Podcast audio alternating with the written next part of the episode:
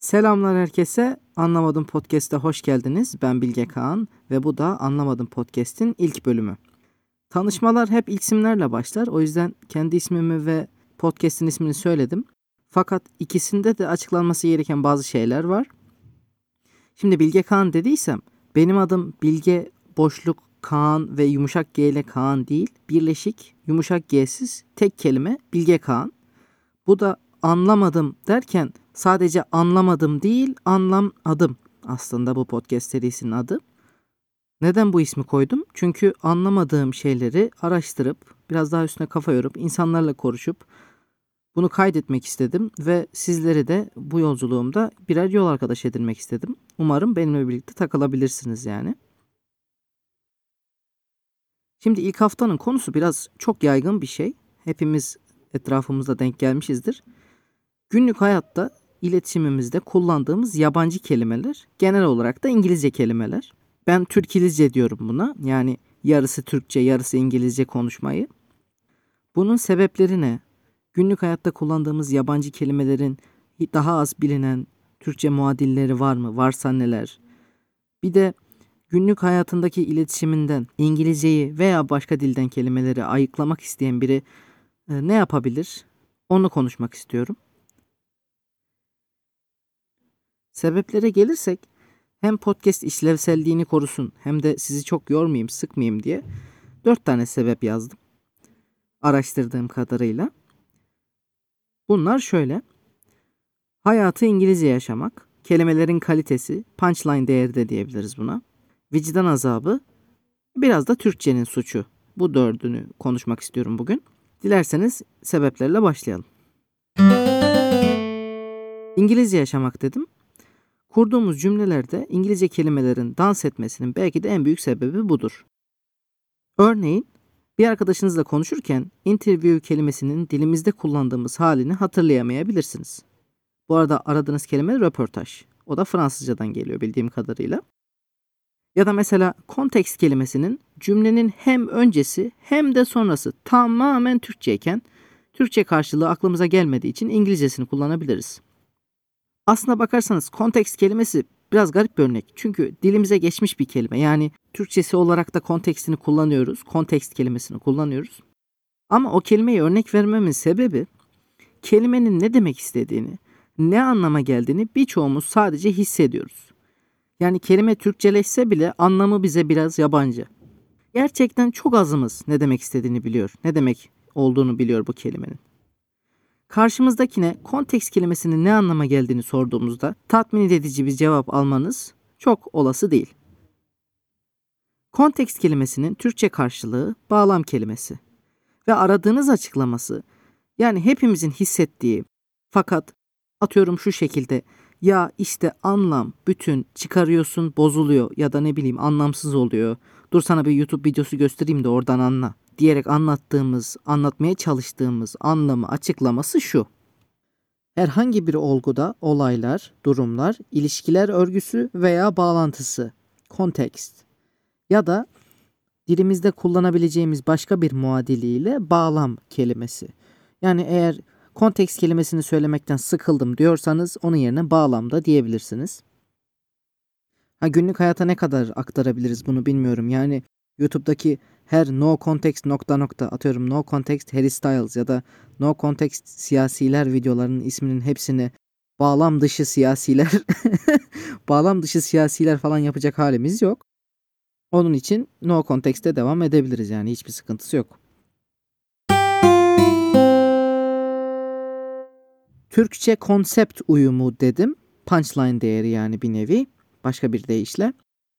Türkçe cümlelerimizin içinde İngilizce kelime kullanmamızın bir sebebi de anlatmak istediğimiz fikir, durum veya konseptin Türkçesi o fikir, durum veya konsepti yeterince güçlü kavrayamayabilir. İngilizce versiyonu daha kalıcı bir etki yaratıyordur belki de karşı tarafta. Örneğin cringe kelimesi. Cringe kelimesini başkasının adına utanılacak bir duruma şahit olduğumuzda yaşadığımız his için kullanıyoruz. Kelimenin dilimize resmen yapışmasının sebebi Türkçesini bilmediğimizden değil. Türkçe'ye çevirmeye çalıştığımızda utanç verici ya da başkasının adına utanmak hissediyoruz. Fakat tek kelime olan cringe kelimesi çok daha etkileyici, vurucu ve işlevsel. Tek bir kelime insanın ağzını yormuyor, kolayca söyleniyor. O yüzden utanç verici yerine cringe kelimesi bize daha kolay geliyor. Mesela apaçık aptallık yapan biri hakkında konuşurken onun içinde bulunduğu durum bence çok utanç verici demek yerine abi çok cringe diyoruz geçiyoruz. Yani hangi dilden olursa olsun, hangi dilden, lisandan gelmiş olursa olsun eğer bizim anlatmak istediğimiz fikir, durum veya konsepti bizim kullandığımız kelimelerden daha kullanışlı, daha işlevsel, daha vurucu şekilde söylüyorsa o kelimeyi bir nevi evlat edinmemiz, adopt etmemiz diyelim tırnak içinde çok olası ve çok da kullanışlı açıkçası, kolay. Vicdan azabı dedim. Yani vicdan azabını biraz açayım. Vicdan azabı derken sırf konuştuğunuz için acı çekmeniz anlamında değil, kullandığınız kelimelerin size suçlu hissettirmesi bakımından vicdan azabı. Bu genelde psikolojik ya da en büyük şeyiyle, kümesiyle medikal terimler oluyor bunlar. Türkçe söylemek ağır geldiği için ya da en azından İngilizcesini söylemek vicdanen daha rahat geldiği için İngilizcesini kullanabiliyoruz. Günlük hayatta çok sık rastlayabileceğimiz ya da en azından en çok şakası yapılan psikolojik sorun bu olduğundan şöyle bir örnek vereyim. Mesela kişinin ebeveyniyle olan travmatik geçmişinden bahsederken ya annesi ve babasıyla arası bozuk ya da ne bileyim annesiyle veya babasıyla ilgili problemleri var demek yerine bunu vicdanen biraz daha rahat olsun, biraz daha şakaya vurabilelim ve Türkçe söylemenin getirdiği psikolojik ağırlıktan kurtulalım diye daddy issues veya mommy issues şeklinde kullanıyoruz.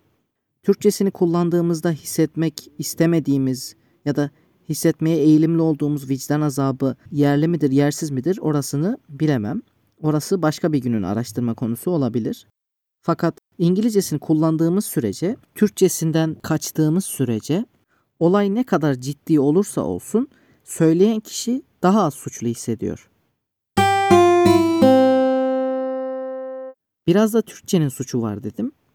Türkçe dilinin burada suçu ne olabilir ki? Yani kendi başına bir dil ne yapmış da suçlu olmuş? Şöyle. Biliyorsunuz ki dilimizde öncesine ister sıfat, ister fiil, ne bileyim, istediğinizi koyun, ne koyarsanız koyun. Sonrasında yapmak, leşmek, laşmak, olmak gibi ifadeler getirdiğiniz sürece her dilden istediği şeyi alabilecek bir yapısı var Türkçenin. Yani istediğiniz örnekle deneyebilirsiniz bunu. Mesela puzzled olmak ya da ne bileyim starstruck bir duruma gelmek. Her türlüsü olur. Mesela bunun en büyük örnekleri de aslında business İngilizcesinde görülür. Yani şöyle cümleler duymak hani biraz uydurma olsa da benimki biraz mübalağa olsa da bence çok mümkün. Yalnız Selçuk Bey önce schedule'larımızı kontrol edip birer meeting set edelim. Olmadı reschedule ederiz ya da mail atıp forwardlaşırız gibi yani %60'ı İngilizce olan Türkilizce dediğim dili kullanmak kolay, basit ve alışılagelmiş bir duruma haline geldi. Bu doğru mudur değil midir? Yani dil değişen bir varlık, dil bir varlık ama vicdanınız ne kadar kabul ederse o kadar doğrudur bu da yani. Birçok şey içinde olduğu gibi. Sebepleri saydım. Şimdi en son bölüme geleyim.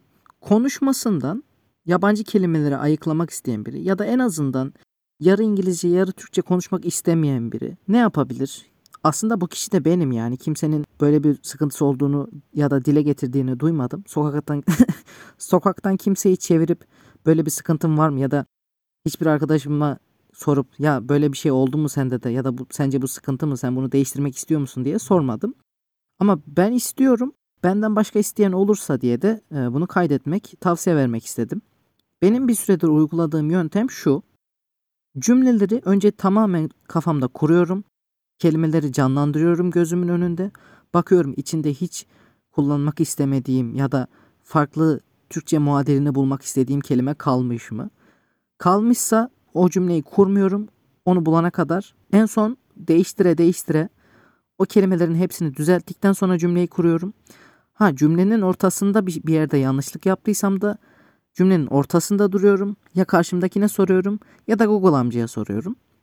Bu iletişimimde bazı kopukluklar yar- yaratıyor olabilir. Henüz kimseden öyle bir şikayet almadım ama bunu daha çok soracağım. İşte ne bileyim cümlenin ortasında anlattığım gibi interview ne demekti ya diye oturup düşünmek yerine ya da sonrasında sormak yerine önce düşünüyorum interview ne demekti diye kurmuyorum ya da sonrasında cümleyi baş cümleye başladıktan sonra aklıma dank ettiyse öyle bir şey cümlenin ortasında duruyorum ondan sonra söylüyorum. Ben bunların hepsini birkaç dakika boyunca anlattım fakat bu ne kimseye bir derstir ne de kimseye bir nutuktur. Bu sadece kendimce içinde bulunduğum bir maceradır, merak ettiğim bir konudur. Araştırdım, anlattım. Eğer kafanızda benim anlattığım şeylere yakın bir soru oluştuysa ve sizlere yardımcı olabildiysem herhangi bir şekilde ne mutlu bana. Şimdi bu ilk bölüm olduğu için konusunu ben seçtim doğal olarak. İkinci bölümün konusunu da ben seçerim büyük ihtimalle. Fakat üçüncü ve sonraki bölümlerde sizin merak ettiğiniz bir şey olursa ya da araştırmamı istediğiniz bir şey varsa benim de kafama yattığı sürece araştırmaktan mutlu olurum. Haz duyarım. Bana ulaşmak isteyen olursa önemli değil. Herhangi bir şekilde ulaşabilirsiniz. Bunu öncelikle yakın çevreme soracağım için henüz etrafımdan işte ya da sizlerden birer tavsiye veya araştırma önerisi alacak durumda olduğumu düşünmüyorum henüz. Kendime o kadar güvenmiyorum. Yakın çevreme soracağım. Yakın çevremde dertleri ortak olan birkaç kişi bulursam o dertlerden bahsedeceğim. Sonraki bölümlerde de bir çaresine bakarız artık eğer inanılmaz bir şekilde bir şey anlatmamı istiyorsanız da. İlk bölüm bu kadardı. Kendimce bir şeyler anlattım. Birkaç kere güldüm falan. Umarım kafanızdaki soruları cevaplayabilmişimdir ya da kendimi yeterince iyi açıklayabilmişimdir. Ben Bilge Kaan. Anlamadım podcast'in ilk bölümünün sonuna geldik. Bir sonraki bölümde görüşmek üzere. Teşekkürler. Sağlıcakla kalın.